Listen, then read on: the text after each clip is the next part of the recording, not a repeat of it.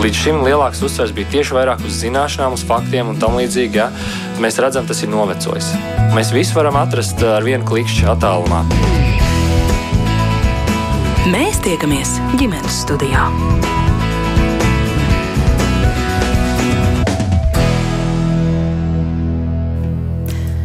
Labdien! Savu skanējumu sāk Latvijas radio viens rādījums ģimenes studiju. Turmāko stundu ar jums kopā šeit būšais Agnese Link un šī rādījuma producente ir Liena Vīmba. Iestājoties, uzsākoties vīrusu sezonai, kā alaža aktuāls kļūst jautājums, kā tad efektīvāk pasargāt sevi, savus bērnus. Kaismīgās diskusijās vecāki apspriež, vakcinēt vai nevakcinēt atvases un sevi pašus pret gripu vai vēl kādām citām saslimšanām.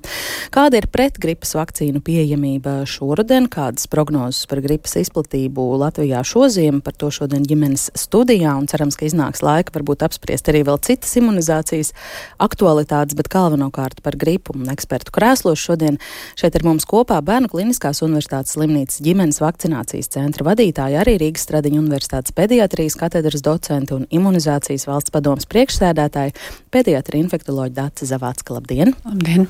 Un attālināti no Jēkabils mums pievienojas arī ģimenes ārste Latvijas ģimenes ārstu asociācijas valdes locekle, doktora Aija Graudiņa. Labdien, Aija, dzirdat mūs?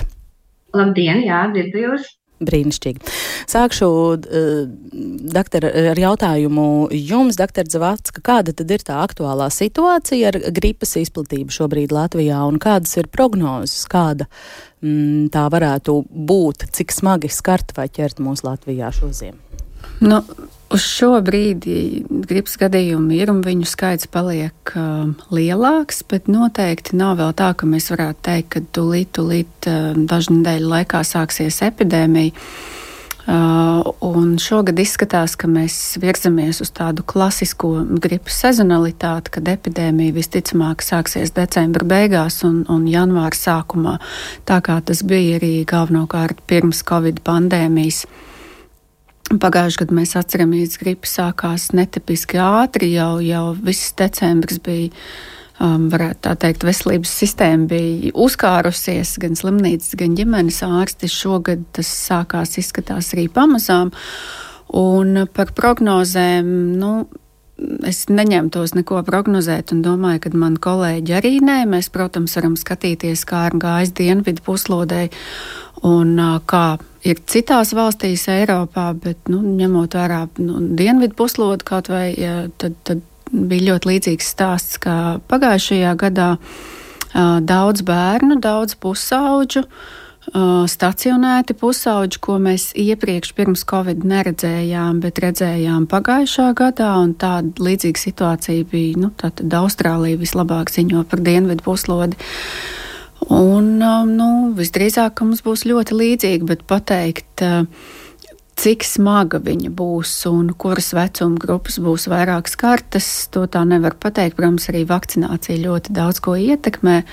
Jo, ja valsts apmaksātā vakcinācija ir tātad vistrauslākajiem pret gripu cilvēkiem, maziem bērniem, bērniem ar fona saslimšanām un, un gados vecākiem cilvēkiem, ja viņi savu mājas darbu būs izpildījuši, tad vismaz no tādām smagākām formām cerams, ka mēs varēsim uh, izvairīties, bet, uh, ja, ja mēs tā vienmēr to covid mirstību uh, pievelkam, tad neskapēc mēs uh, pēdējos gados esam aizmirsuši par mirstību no gripas. Un, Nu, tādos trakākos gados mums ir bijuši gandrīz 200 gadījumiem arī mirstībai no gripas. Protams, tie ir vairāki vecāki gadagājumi cilvēki, bet gandrīz arī katru sezonu kāds pilnībā vesels bērns, diemžēl aiziet, un tur neko nevar mainīt.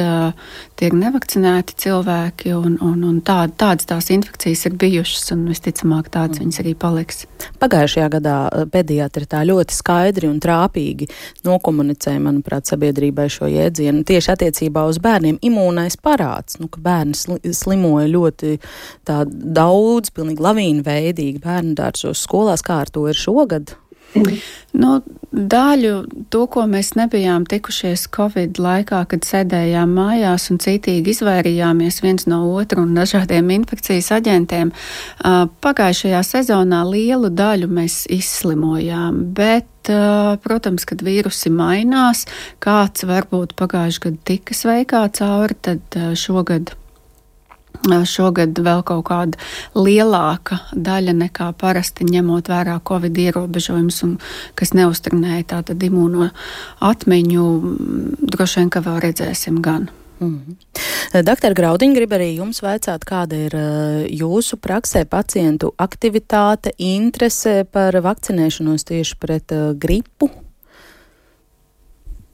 Labdien visiem vēlreiz! Uh, nu, ir tā, ka šī gadā mums ar gripas vakcināciju ir diezgan slikts rezultāts.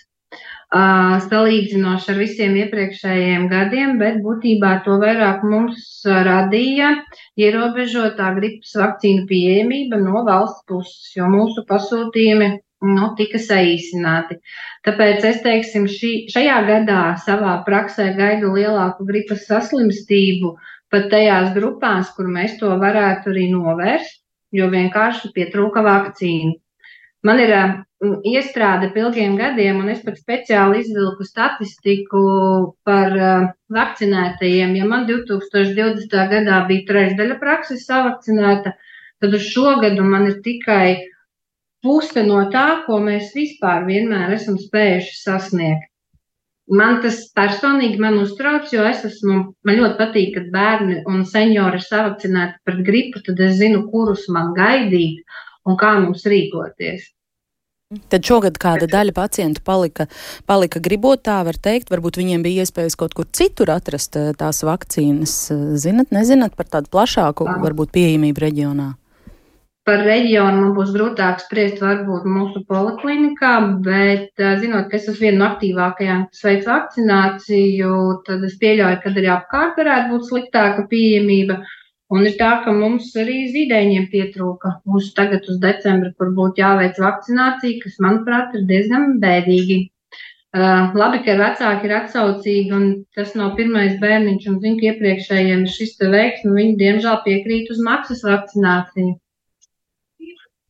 Jā, doktor Zavacka, komentēsiet, kā tur ir ar to pieejamību. Jā, nu tā tad gribēju vēl paskaidrot, ka šogad mēs vakcinācijai bērniem lietojam divas dažādas vakcīnas.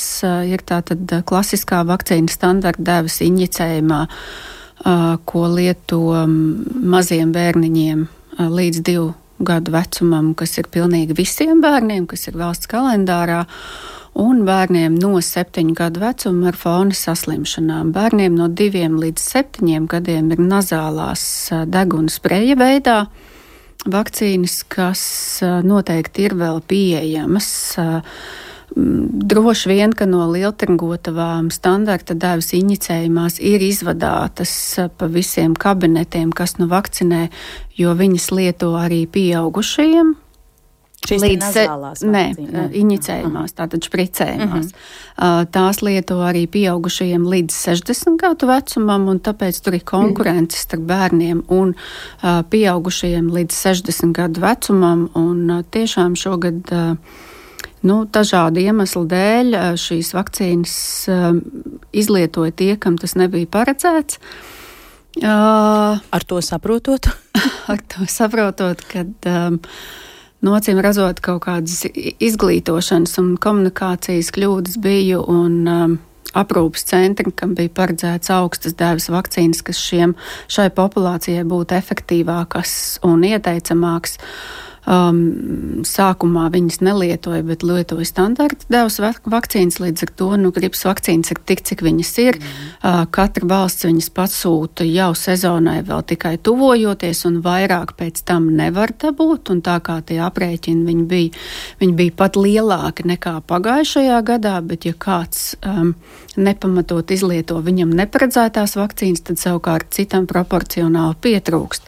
Bet nazālās vakcīnas, kas tiešām ir brīnišķīgs ieguvums šogad, un, un, un bērni ir priecīgi, un mēs esam priecīgi, cik man zināms, tad lieltergotavās valsts paredzētās vakcīnas vēl ir. Līdz ar to viņas ir jājautā gan vakcinācijas centros, nu, bērnu slimnīcas ģimenes vakcinācijas centrā mums vēl nu, kaut kāds neliels strēķīts arī valsts inicējumās vakcīnas ir palikušas. Piedodiet, es precizēšu, lai mēs visi saprotam, valsts inicējumās vakcīnas, tad tās ir tās, kas ir valsts apmaksātas. Jā.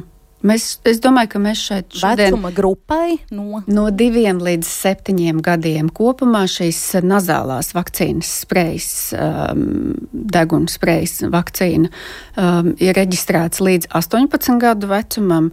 Um, Latvijā mēs viņas nevarējām līdz 18 gadu vecumam šogad visiem bērniem nodrošināt, jo tā um, Tātad cena šai vakcīnai ir divreiz augstāka nekā standarta injicējumai, un nauda bija tik, cik bija. Tāpēc mēs sākām ar diviem līdz septiņiem gadiem, kas ir vislielākie gripas izplatītāji, visvairāk slimo, un viņiem tātad. Nu, pirmā, pirmā roka. Cerams, ka nākamgad mēs varēsim jau paplašināt šo grupu. Mm -hmm. Bet kā tad ir skaidrojums tas uh, doktora Graudiņas teiktais, ka tomēr praksē pat uh, zīdainīšiem ir pietrūkušas? Es pareizi sapratu valsts apmaksātas vakcīnas, jā? Ja? No, no, jā, bet tur tā ir vaina. Nu, ne vaina, bet teiksim, mēs parasti visus iepriekšējos gadus sezonas sākumā veicām vienreizēju pasūtījumu ar prognozējumiem ļaudīm, ka mēs veiksim vakcināciju. Un šogad mums izmainīja kārtību, ka vajadzēja sūtīt tikai vienam mēnesim.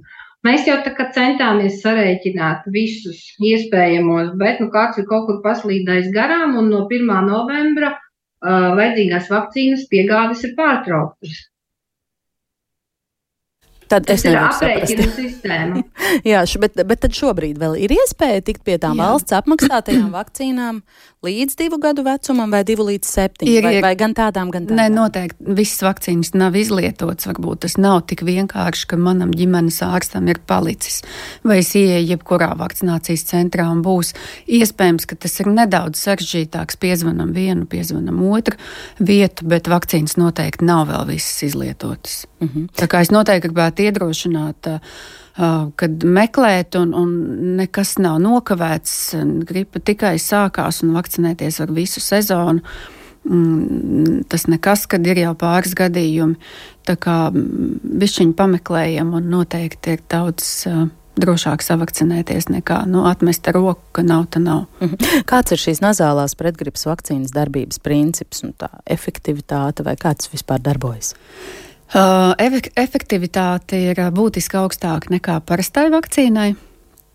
Jo tā, tā ir dzīve novājināta vakcīna, bet, uh, kā jau mēs šeit daudzkārt esam runājuši, no dzīvajām vakcīnām noteikti nav jābaidās. Viņas ir, ir ļoti labas, viņas smuki arī modulē imūno sistēmu. Un tā tad deguna gļotāde ir tā, kas mums um, arī ir pilna, tā skaitā ar imūnās sistēmas šūnām, tā kā tas ir līdzīgi, kad mēs ieelpojam vīrusu. Tikai šeit ir tāda nu, slimošanas imitācija, ja, nevis uh, saslimšana. Un, um, Jā, un, un, un, un dar, tiek iesaistīta gan gļotāda, gan um, visa pārējā imūnās sistēma, tātad limfmēskli, liesa, um, aizgrūts dziedzers un veidojās tiešām augsta efektivitāte, ja gripa kopumā vakcīnas efektivitāte.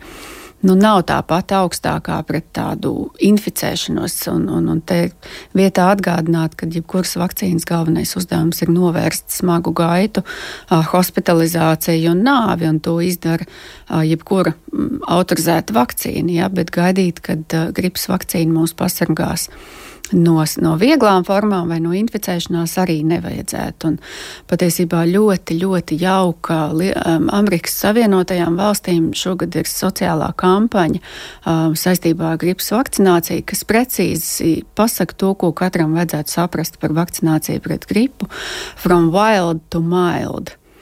Tātad vakcīna pasargā no šausmām uz tādu ļoti, ļoti maigu izslimošanu. Ja? Un, un tur ir skaisti dzīvnieciņi salīdzināti.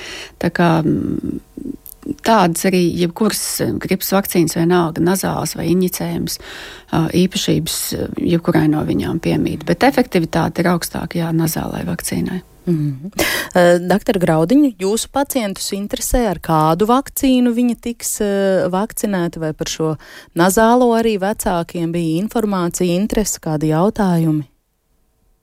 Jā, mēs cenšamies informēt. Diemžēl es divos pasūtījumos tika izsītrot ārā no nazālās vakcīnas, tāpēc mēs viņu nesaņēmām. Uh, tagad mums ir atsūtīts piedāvājums, ka ir noliktavās palicis. Nu, mums ir jāsaskaita, ka pusauģi visi ir saņēmuši. Uh, ir, bet tā kā tie ir bērniņi, kas uh, teiksim, tiešām ar nopietnām saslimšanām, viņi šo vakcināciju, par vakcināciju jau interesējās diezgan laicīgi, un lai novembra sākumā saņemtu šīs kvotas, tie ir cistiskās fibrozes pacienti, nu, kam ir svarīgi, lai šie vīrusi garām viņiem ietu. Un vecāki jau zināja, ka tāda, ka tāda būs. Viņi zināja, ka varbūt nāc, viņi zināja, jā, bet diemžēl mums viņu nepiegādāja. Tāpēc mēs izmantojām ierasto vakcināciju. Doktor Zavacki, jūs vēl ko gribējāt piebilst? Man šķiet, jūs tā par to, nu, tomēr to pieejamību vai to iz, nu, izplatību. Nu, jā, nu, diemžēl, diemžēl mēs katru gadu atkal nonākam uz tā paša krābekļa, kad kaut kas tajā sistēmā, kā vakcīnas tiek pasūtītas, piegādātas par pieejamību. Mēs visu laiku mums kaut kas neiet, un, un, un katreiz var tikai brīnīties. Jā, bet vecākiem atliek, nu tad vienkārši šobrīd varbūt, eh, ja jūs sakāt, ka vēl var pagūt savakcināties pret gripu un ka to ir ieteicams eh, darīt, jo īpaši tām uh, uz, uzraugāmajām, trauslākajām, kā jūs teicāt, grupām, tad vienkārši tas ir tāds vecāku meklēšanas darbiņš šobrīd? Nu, nedaudz, jā. jā. Mm, Kādas ir, piemēram, gripas vakcinācijas, tās eh, iespējamās blaknes, ar kurām ir eh, jārēķinās, un eh, vai arī šai nazālajai vakcīnai ir kaut kādas atšķirības, ja efektivitāte ir augstāka vai tās prognozējumās blakus parādības ir citādākas, vai to varbūt nav vispār? Mm -hmm. Um, droši vien domājot par sagaidāmām reakcijām, jo par blakus parādībām mēs parasti saucam tādas nopietnas veselībai kaitīgas Aha. notikums, jā. Jā, bet sagaidāmās Sagaidāmā reakcijas. Reakcija ko mēs parasti saprotam - temperatūra un sāpes injekcijas vietā, pietūkums, tur kaut kāds sagurums. Tas ir sagaidām, tas ir veselībai nekaitīgi un pārējoši. Um, parastai injicējumai vakcīnai, nu jāsaka, ka kādam varbūt arī pasāp tā roka, bet tādi temperatūras pacēlumi nav raksturīgi. Un uh, nazālai vakcīnai vispār temperatūras pacēlumi nav.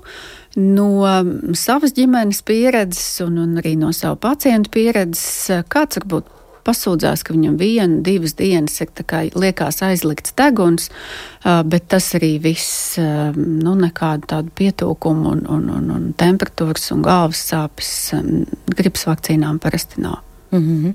Doktor Graudiņš, vai vecākus atkal interesē, dara bažīgus sagaidāmās reakcijas? Vai tas ir tāds liels skaidrojošs darbs, kas nu būs pēc tās gripas potes, vai tas jūsu praksē jau ir gadiem ilgi darīts, izdarīts un pie tā vairs nav jāizkavējas? Nē, lai arī cik gadus mēs veiktu vakcināciju, un lai kurš tas būtu bērniņš ģimenē, vienalga vecākiem ir jautājumi, vai nu, mām, vai nu es, vai nu māsiņas, kurš tajā brīdī vairāk var veltīt uzmanību, tomēr cenšas un paskaidro, un mēs arī cenšamies tātad izstāstīt, nu kā mājās jau rīkoties, ja kaut kas tomēr uz vakaru notiek, vai tā pati temperatūra parādās, Vai ja tas bērniņš sūdzās, ka viņam pasāp roka, nu, zīdēnīšiem parasti nemierīgāk, viņiem tā kājiņa var būt jūtīgāka tajā vietā. Jebkurā gadījumā vienmēr vecākam ir jāizstāsta sagaidāmā reakcija, jo, ja kaut kas būs bijis, viņš nākošā dienā ir mierīgāks un vienkārši risinam situāciju tālāk.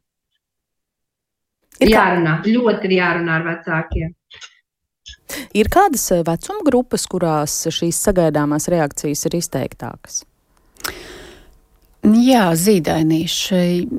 Ja mēs runājam par klasiskajām kalendāra vakcīnām, un tā skaitā gripu, jā, tad uh, mazajiem zīdainīšiem parasti vairāk mēs vērojam šīs temperatūras, un kā doktora minēja, tāds nemierīgums, kāds atkal vairāk guļ, un tam mēs noteikti pasakam, neļaujiet gulēt visu dienu, noteikti pamodiniet uz ēšanu. Uh, Uh, bet jā, nu, tas, tas pirmais dzīves gads varbūt vairāk tās sagaidāmās reakcijas. Mm. Kādām vecuma grupām un ar kādām diagnozēm valsts apmaksā pret gripas vakcīnu tiem bērniem, kas ir virs divu gadu vecuma? Nu, visas klasiskās, sākot tātad kardiovaskulārās, elpceļu, neiroloģiskās, tā, tā pati psihiatrija, um, endokrinoloģija, arī bērni, kas ilgstoši maz tādi ir, kas lieto aspirīnu, tas varbūt ir uh, klāt uh, papildus tām mums jau zināmajām, kas ir citām vakcīnām, ja, kā piemēram Covid vakcīnai bija. Ne, nekas atsevišķi. Mm. Par kaut kādiem dažādiem vēl vakcīnu veidiem, ja mēs runājam, nu, gripas vismaz pieaugušiem, es arī saprotu, ka ir vairāki veidi vakcīnas, bet vai tas ir arī tā bērniem, vai šobrīd ir tikai tā nazālā un tad tā? Un standartdevas injicējumā, jā, bērniem ir šīs divas un uh, kopumā pasaulē arī um, nu, tāda vairāk uh, izvēle nav bērnu vecumā, ja nu vienīgi tiem, kam ir uh, izteikta alerģija uz olu, tātad anafilaktiska reakcija uz olu, tie klasiskās uh, gripas vakcīnas nesaņem, viņiem ir šūnās. Uh, šūnās kultivētās vakcīnas, tās Latvijā nav šobrīd pieejamas, diemžēl. Mm. Pievērsīsimies nedaudz klausītāju jautājumiem. Tādi jau sāk birt mūsu pasta kastē, vai bērnu slimnīcā ir pieejama gripas vakcīna, ja bērns slimo hroniski, ģimenes ārstu praksē nav raksta laime. Jā, ir pieejams jāzvan uz zvanu centru vai jāraksta tātad. Tā, uz e-pastu un piedāvās. Mēs tāpatās kā citas sezonas arī esam izdalījuši atsevišķus gripas vakcinācijai laikus. Mm, mēs abas ar kolēģi vismaz divas reizes nedēļā papildus stundas tam esam vēl, tam veltam.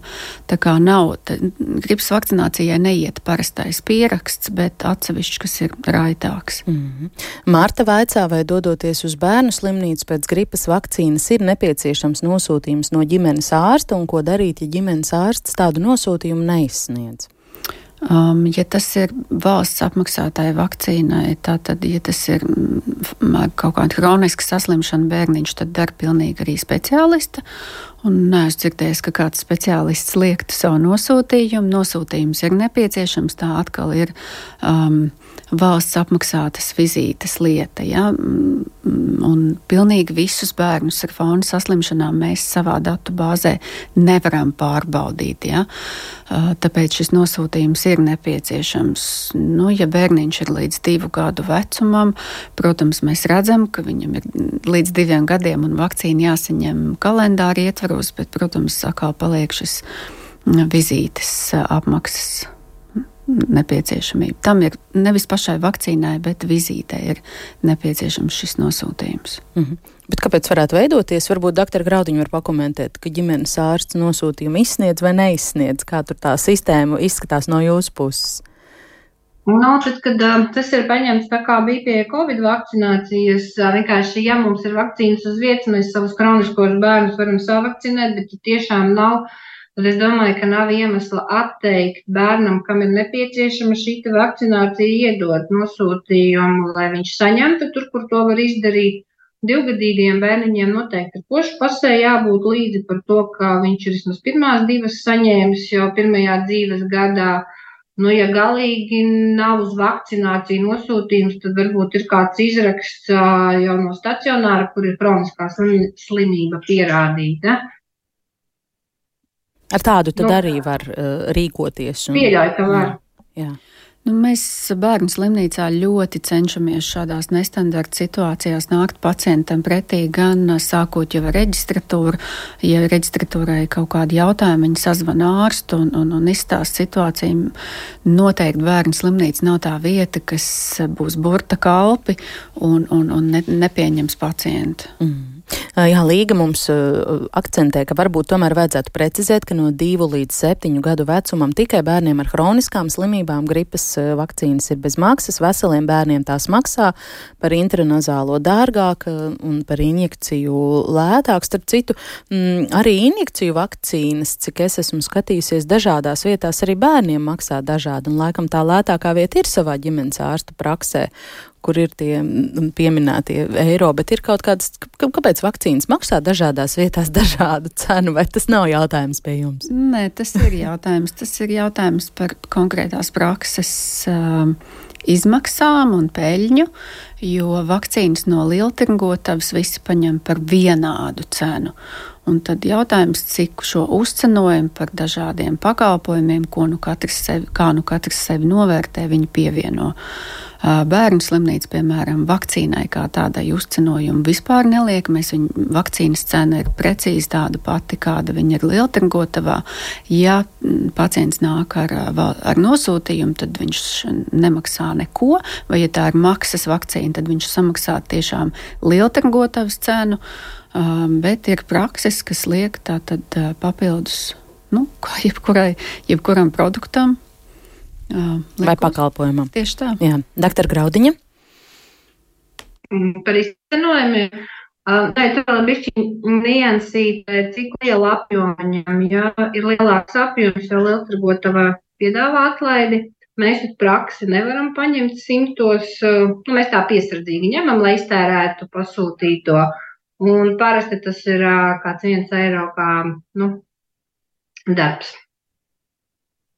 Jā lielus uzcenojumus vai dārgu pakalpojumu maksu neliekat, ja var eh, tā saprast. Eh, cik ne. plaši izplatīti, teiksim, tādi aizspriedumi, mīti vai maldi par vakcinēšanos un tieši par pretgripas vakcīnām Latvijas sabiedrībā joprojām ir izplatīti? Kādi ir tie jūsu vērojumi?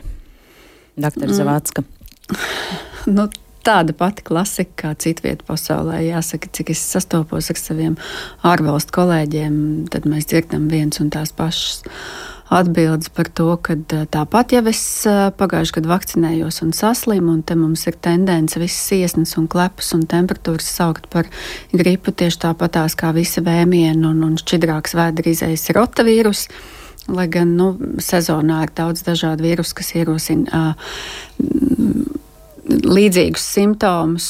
Un um, otrs, nu, kas tad tā gripa ir? Nu, es tur pagulēšu pāris dienas mājās un, un, un pašaudīšu, nekas jau nav, bet um, ir dažādas pozīcijas, dažādos vecumos, kur gripas vidējā tāda populācijas norise ir patiesībā smagāka nekā Covid-19 infekcijai.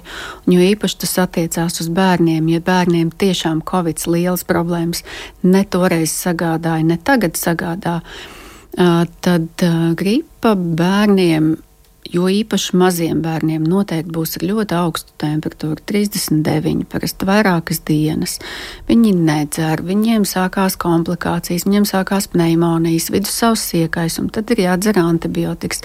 Tad noteikti ir nepieciešama ārsta vizīte. Tad bieži arvien mazāk mēs paši spējam tikt ar to galā, tad mēs dodamies uz slimnīcu. Slimnīcā mēs ilgi sēžam, ilgi esam stacionēti un vēl klāt pieķeram citas infekcijas. Un tā tā, tā tā sniega bumba sāka vēlties, un uh, tas pats ir mm, omītēm un opīšiem, kad uh, gripa, jā, varbūt tur temperatūra un, un, un netika augsta, bet viss tā sliktā pašsajūta, tā omīte, tas opīts apguļās uh, uz vairākām dienām, viņam sāsinās arī visas viņa fona saslimšanas, varbūt viņš pat vispār nonāk stacionārā, un um, nu, apmēram ceturdaļa uh, veco cilvēku pēc gripas epizodes neatgūst savas autonomijas spējas, un tālāk par viņiem ir jārūpējās arī ikdienā, vai ģimenes locekļiem, vai aprūpas centriem. Tieši tāpatās arī pasliktinās demences izpausmes.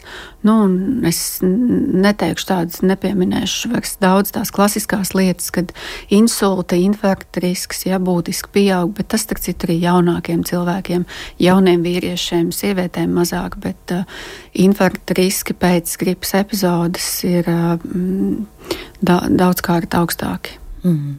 Doktor Graudiņa, kā ir ar aizspriedumu izplatību jūsu pacientu vidū? Cik uh, sīvi nāks ar to cīnīties, vai arī varbūt jūsējie ir jau labi izglītoti un svaidīti šajās zināšanās un nav tā jānopūlas?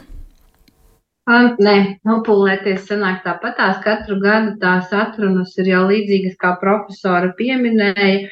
Vai biežākais es jau ar to neslimoju, man tas nelīpa, tāpat kā jā, izgulēšu dažas dienas mājās un viss būs labi, bet, lai cik tas sāpīgi būtu laba mācība, kad vienreiz dabūnu gripu un viņu izslimo, tad nākošā gadā gan ir ātri klāt, dodiet doktoru man gripas vakcīnu, Un, ja vēl tas ir bijis pneimonija, tad arī painteresējas par šīm pneimonijas uh, vakcīnām.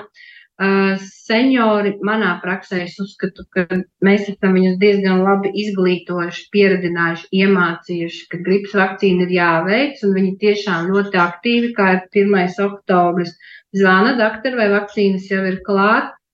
Un Es tiešām redzu to efektu, jo tajā brīdī, kad nāk gripas epidēmija, šie te vakcinētie, viņi pazūd no mūsu redzesloka. Protams, pa kādam gadās, kas arī pārslimo. Tas bija viens onkulis, viņš katru gadu viņš veica vakcī, vakcināciju, bet viņš vienalga saslima.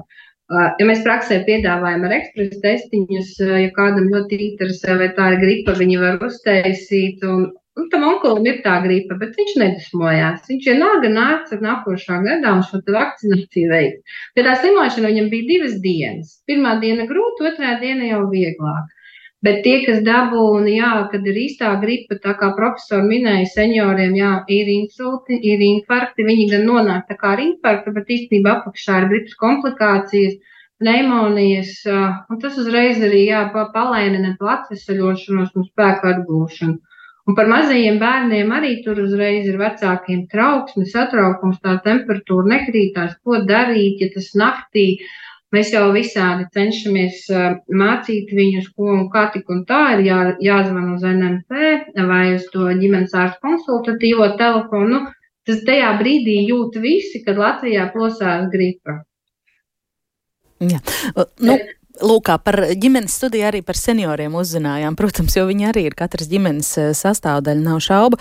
Bet, eh, lai gūtu vēl varbūt tādu ieskatu tieši vecāku viedokļos par viņu uzskatiem un kādiem jautājumiem, ģimenes studija, gatavojoties šai sarunai, lūkojās arī vecāku sarunu dažādos eh, fórumos, kur rudens sezonā, jā, rīt šī diskusija par vakcināciju un kas šobrīd aktuālāk tieši pret gripu. Lūk, vecāku spriestais tādus kaleidoskopu, jeb fragmentu fragmentus ir ielasījušas manas kolēģis. Paklausīsimies! Sveikas! Gribēju uzzināt jūsu viedokli par bērna potēšanu pret gripu. Neuzskatu, ka lieki jāpiesārņo bērnu ķermenis ar kaut kādām potēm. Tās tāpat nepasargās veselību, bet var nodarīt lielāku kaitējumu. Jūsu bērns laikam nēd ne saldējumu, ne cepumus, ne eļļā ceptus kartupeļus, ne paku suliņas dzer. Šī pota ķermeni piesārņos daudz mazāk kā viss iepriekš minētais. Pota tiek iebliesta pat aizno asinsritē. Organismam vairs nav nekādu iespēju ne filtrēt, ne izvadīt, lai ko tā saturētu. Ir atšķirība, kā piesārņojums nonāk organismā caur elpošanu, ādu, gremošanas traktu vai pat taisno asinsritē un attiecīgi visās organisma šūnās un sistēmās. Tas jāizvērtē katram individuāli. Vecums, imūnsistēmas aizsardzspējas, apkārtējā vide, pieaugušo atbildība skolā un dārziņā Vairāk slimo bērni, kas uzturas tādā sabiedrībā, kur var būt klaja bezatbildība, kur citi vecāki ved slimus bērnus uz skolu vai bērnu dārzu. Gripas paveidu ir miljardiem, bet potē tikai bāzi. Nav teikts, ka vakcinējoties bērns saslims, un nav teikts, ka nesaslims. Es personīgi bērnus pret gripu nepotēju, jo nevēlos viņu imunitāti mākslīgi bojāt. Uzskatu, ka šīs slimības ir jāizslimo, jo tikai tā organisms spēj iemācīties cīnīties ar šo konkrēto gripas paveidu. Nāks nākamais gads ar jaunu gripas paveidu, potes tam līdzi netiek. Es neesmu īpaši pret, bet nepotēju bērnu slieki. Potējamies tikai ar obligātajām vakcīnām. Un problēma nav, ka tās kaut ko piesārņo vai kā savādāk bet es arī bērniem ļauju, piemēram, ēst saldējumu pat tad, ja puņķis tek līdz celim. Ķermenis pats izstrādās imunitāti pret konkrētām slimībām. Dēlu, kam tūlīt būs desmit gadi, nepotēju. Dēlu, kam ir viens un trīs, sapotēju tieši tādēļ, ka mazie šīs augstās temperatūras iznes daudz smagākā lielie un imunitāte vēl nav nekāda stiprā. Lielais puika, piemēram, no tēta gripu pat nedabūja. Man tāda pati nostāja. Mazo potēju, jo mazāki bērni pēc eh, statistikas datiem mēdz slimot daudz smagāk. Lielā gan arī slimoja ar gripu, un viegli nebija. Vismaz četras dienas temperatūra turējās ap 40 grādiem, un vēl pēc tam bija grūti. Šogad sapotēja jaunāko meitu, gads un trīs mēneši, jo pagājušo gadu slimoja ar gripu ar ļoti augstu temperatūru. Vecāko meitu seši gadi nepotēju, viņa arī pagājušajā gadā no māsas nesaslima. Zīdaini nepotēšu, bet pirms dārziņa gaitu uzsākšanas vēlreiz par šo apdomāšu. Pagaidām laiku pavadām svaigā gaisā, Uz lielveikaliem neskrienu un ar bērnu tādās vietās nepastaigājos. Gripu bērniem nepotēju. Paši slimojām un smagi, bet bērniem nekad nekas nav. Tas pats bija ar covidu. Mēs gar zemi, bet bērniem viss ok, pat nepielipa. Tā kā mani bērni ļoti grūti panes jebkādas potes, tad potēja tikai minimumu. Kā reiz teica viena ārste, jāpotē tikai tos bērnus, kurus vajag potēt, pārējos var nepotēt. Bērni, kuri slimo ar epilepsiju vai kam ir astma, kam bieži mēdz būt augstas temperatūras un grūti tās panes, tos iesaka potēt. Es personīgi izstudētu potes sastāvu un blakus parādības pirms kaut ko dot savam bērnam.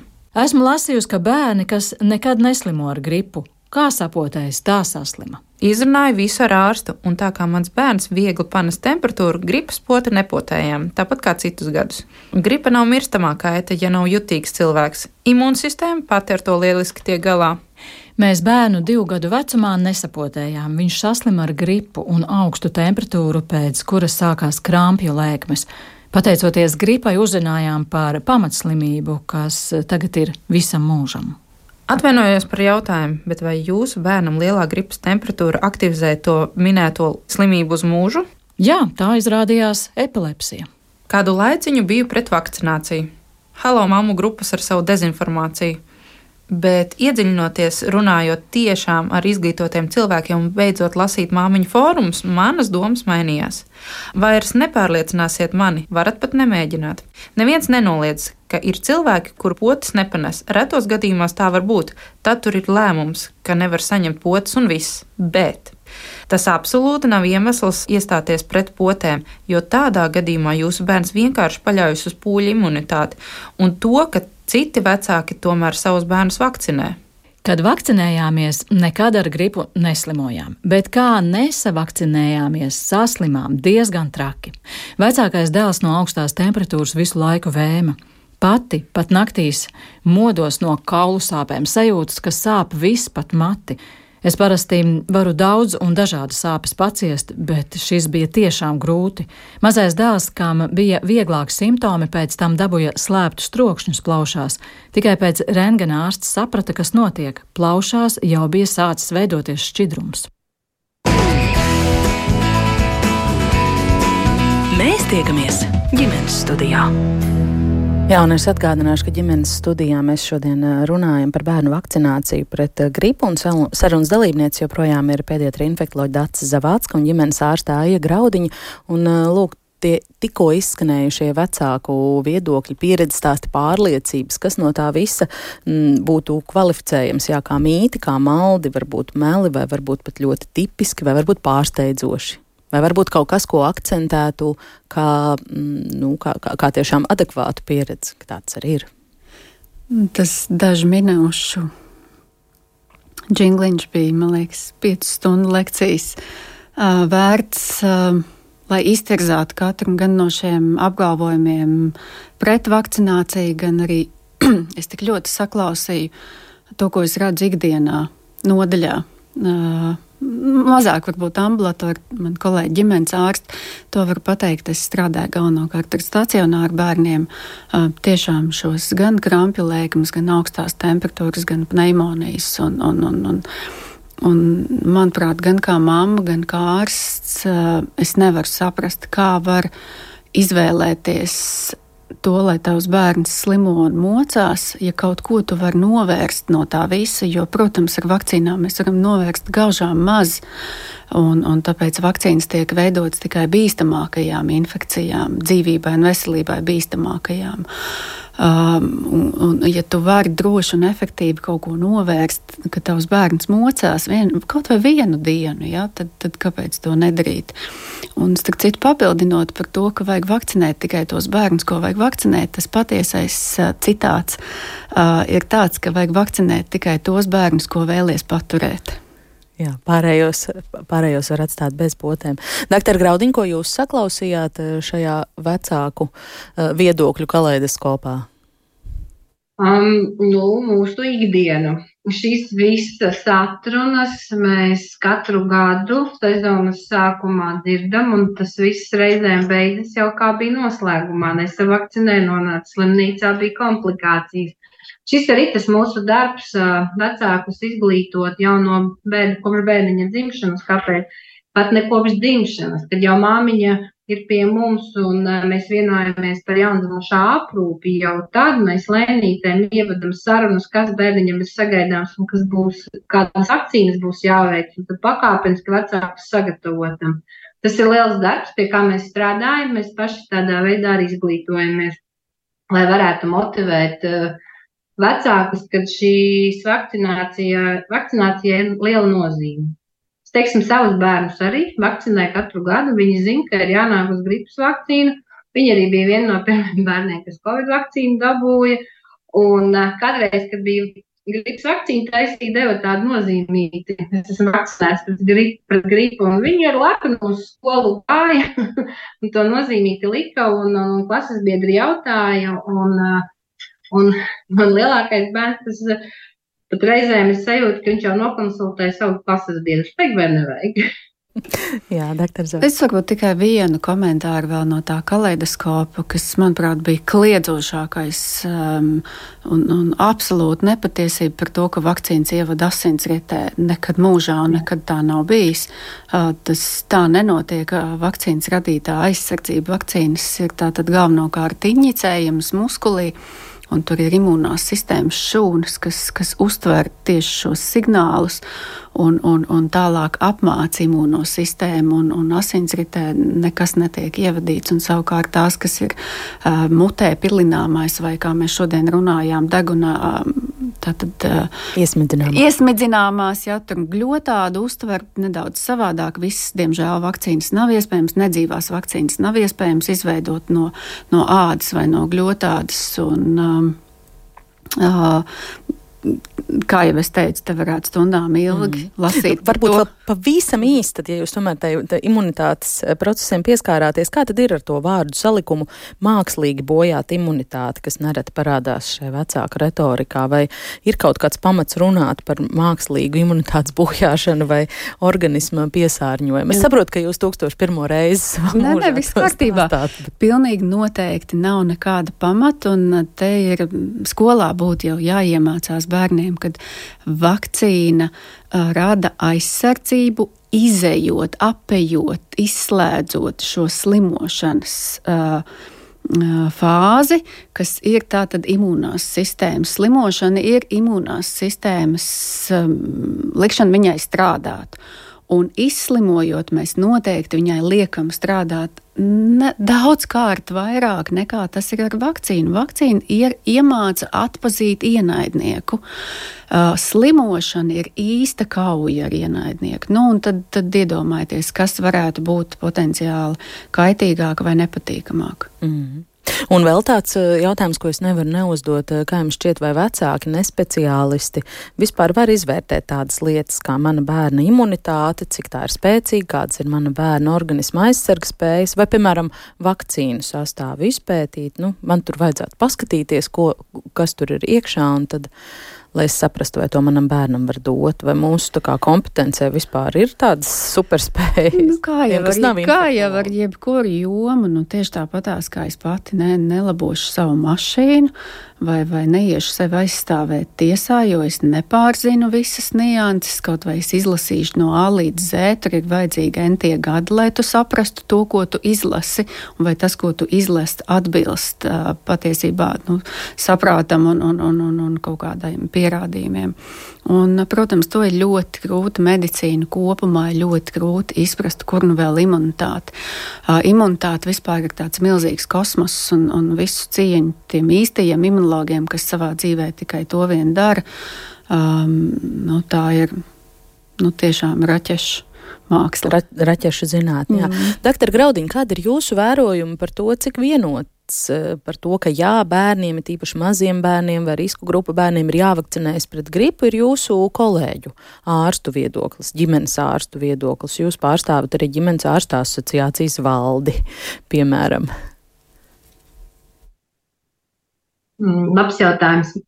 Nu, vismaz ar kolēģiem, ar kuriem es esmu vairāk ciešā kontaktā, uh, problēmas nesaskatu. Bet, protams, uh, vienmēr jau kaut kur pastāv kāds melnais zirdziņš, vai arī tā ir kāda komunikācijas kļūda, kad kāds kaut ko nav sapratis. Bet, manuprāt, kad mēs kopā arī ar Covid ļoti daudz izglītojamies par vakcināciju, vakcinācijas nozīmi, par to, ko mums mācīja, labi, es netik sen beidzu augstskolu un, un, un tās zināšanas, un tā ir jāatsvaidzina, kā arī kolēģiem, kas jau sanāk ir beiguši.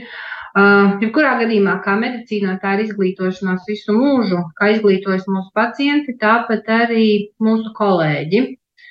Un, uh, Es domāju, ka mēs visi spējam komunicēt ar pacientiem un paskaidrot vakcinācijas nozīmi. Pavisam finišējot par gripu, tomēr vēl pēdējais tad, uh, mīts vai uh, kaut kādā mērā patiesība. Daudz miljardiem, kā ierakstā izskanēja gripas paveidu, bet pote taču tikai katru gadu pret vienu vai pret A vai pret B uz šo ir īsi iespējams bez 5 stundu lekcijas. Jā, atbildēt. paldies, ka jūs pacēlāt arī šo tieši es nodomāju.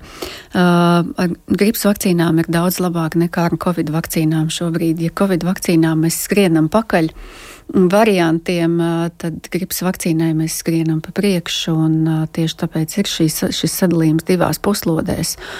Un um, Pasaules veselības organizācijai izdodas ļoti precīzi um, iegūt informāciju un vakcīnā ielikt tos cēlumus, kas tiešām 99,9% nāk uz puslodi. Un pat, ja va, sezonas laikā notiek kaut kāda neliela vīrusu izmaiņa, mēs to saucam par šo driftu vai izslīdēšanu, ja, tad te atkal savukārt ir vietā pieminēt nazālo vakcīnu, kura, nu, dzīvu vakcīnu būdam, imunitāte veido, aizsardzība veidosies pret visiem vīrusu virsmā esošajiem antigēniem. Un uh, pat izmaiņas sezonas laikā vīrusā nemainīs vakcīnas efektivitāti īsti. Uh, Mm. Tā kā nē, gripas vakcīnai nav taisnība. Mm. Par nākamo gadu eh, domājot, tad tā nazālā vakcīna varētu pietiekamā skaitā nonākt Latvijā tā, lai pietiktu visiem, kam valsts apmaksāta, tiem, kas paši grib vai var samaksāt? Šis jautājums tikai un vienīgi veselības ministrijai un Nacionālajiem veselības dienestam. Mm -hmm. Atlikušajās minūtēs, jā, varbūt vēl viena veselības ministrijas pat tāda uzsvērta aktualitāte, kas arī ir izskanējusi pēdējā laikā šajā ģimenes studijā, iztirzājot, eh, cik labvēlīgs valsts budžeta projekts, eh, piemēram, demogrāfijai un ģimenēm, tad valsts, eh, vai tad veselības ministrijas pārstāve mums šeit kā sasniegumu tajās budžeta sarunās uzsvēra, ka īpaši labvēlīgi ir tas, ka cilvēku papilomas vīrusu vakcīna vairs nebūs diskriminējoša pēc dzimuma. Valsts apmaksātu pretvēžu vakcīnu, tagad varēs saņemt arī zēni no nākamā gada kādā vecuma amplitūdā, vai šobrīd jau tas ir neierobežotā tas jau vecumā? Šobrīd ir neierobežota. Mēs Tur tika jau... pasvītrots, ka no nākamā gada tā būs pieejamāka. Nezinu, kāpēc, kāpēc kāds tā teica, bet jau no 22. gada otrās puses, patiesībā jau no maija, jūnija, var saņemt jebkurš zēns, sākot no 12 gadu vecuma, arī līdz 18 gadu Aha. vecumam, un pieķert klāt tos, kas varbūt bija 12 gadus veci, tad, kad zēniem vēl nebija šī vakcinācija apmaksāta. Tā kā tiešām uh, um, taisnība, un tas jau notiek, un ļoti labi, ka tā. Un, jā, mēs jau vienmēr piekasamies naudas devējiem un politikas lēmējiem, bet, um, nu, ja tā godīgi jāatzīst, ka mums Latvijā ir viens no labākajiem imunizācijas kalendāriem Eiropā, un, un, un viņš tiešām ir pielīdzināms uh, bagāto rietumu valstu kalendāriem. Kā, protams, ka mums ir vēl kur augt, un, un, un, un nopietnas infekcijas, no kā mums būtu savu bērnu jāpasargā visam nauda tiešām nepietiek, bet eh, mēs noteikti šeit esam priekšā saviem kaimiņiem. Mm. Bet dažreiz eh, neizmantojam arī tās iespējas, kas mums ir pieejamas. Jūs teicāt, ka būtu vēl eh, svarīgi pateikt arī pāris lietas par vēbaku vakcīnu, kas jums bērnu slimnīcā dara bažas izstāstīt. Uh, tieši tā, un uh, bāžas uh, tāda tiešām tāda izteikta neizpratne, un kas notiek, un kāpēc tā notiek jau bija gada sākumā, jo no 2008. gada mums ir veibaka vakcīna kalendārā, un diezgan ātri mēs redzējām to efektu, kad ar veibakām stacionētu bērnu vairs nav, ja kāds arī kaut kur saslimst, tad vieglā formā mājās, un šobrīd jau saslimt ar veibakām maza bērnu vecumā, principā ir, nu, grūti. Bet, kā izrādās, Covid vai kas cits bija ietekmējis veselu māmiņu vecāku grupu un bija parādījies tāds jauns, jauna modes lieta - vakcinēt visu, bet no veibaku vakcīnas atteikties. Un tiklīdz mēs sākām atkal satikties, un kopumā pasaulē šobrīd jau ilgu laiku uzliesmo streptokoka infekcija, invazīvais āgrupas streptokoks, un mums sāka parādīties, un joprojām bērni ar veibaku komplikācijām stacionārā ļoti nopietnām.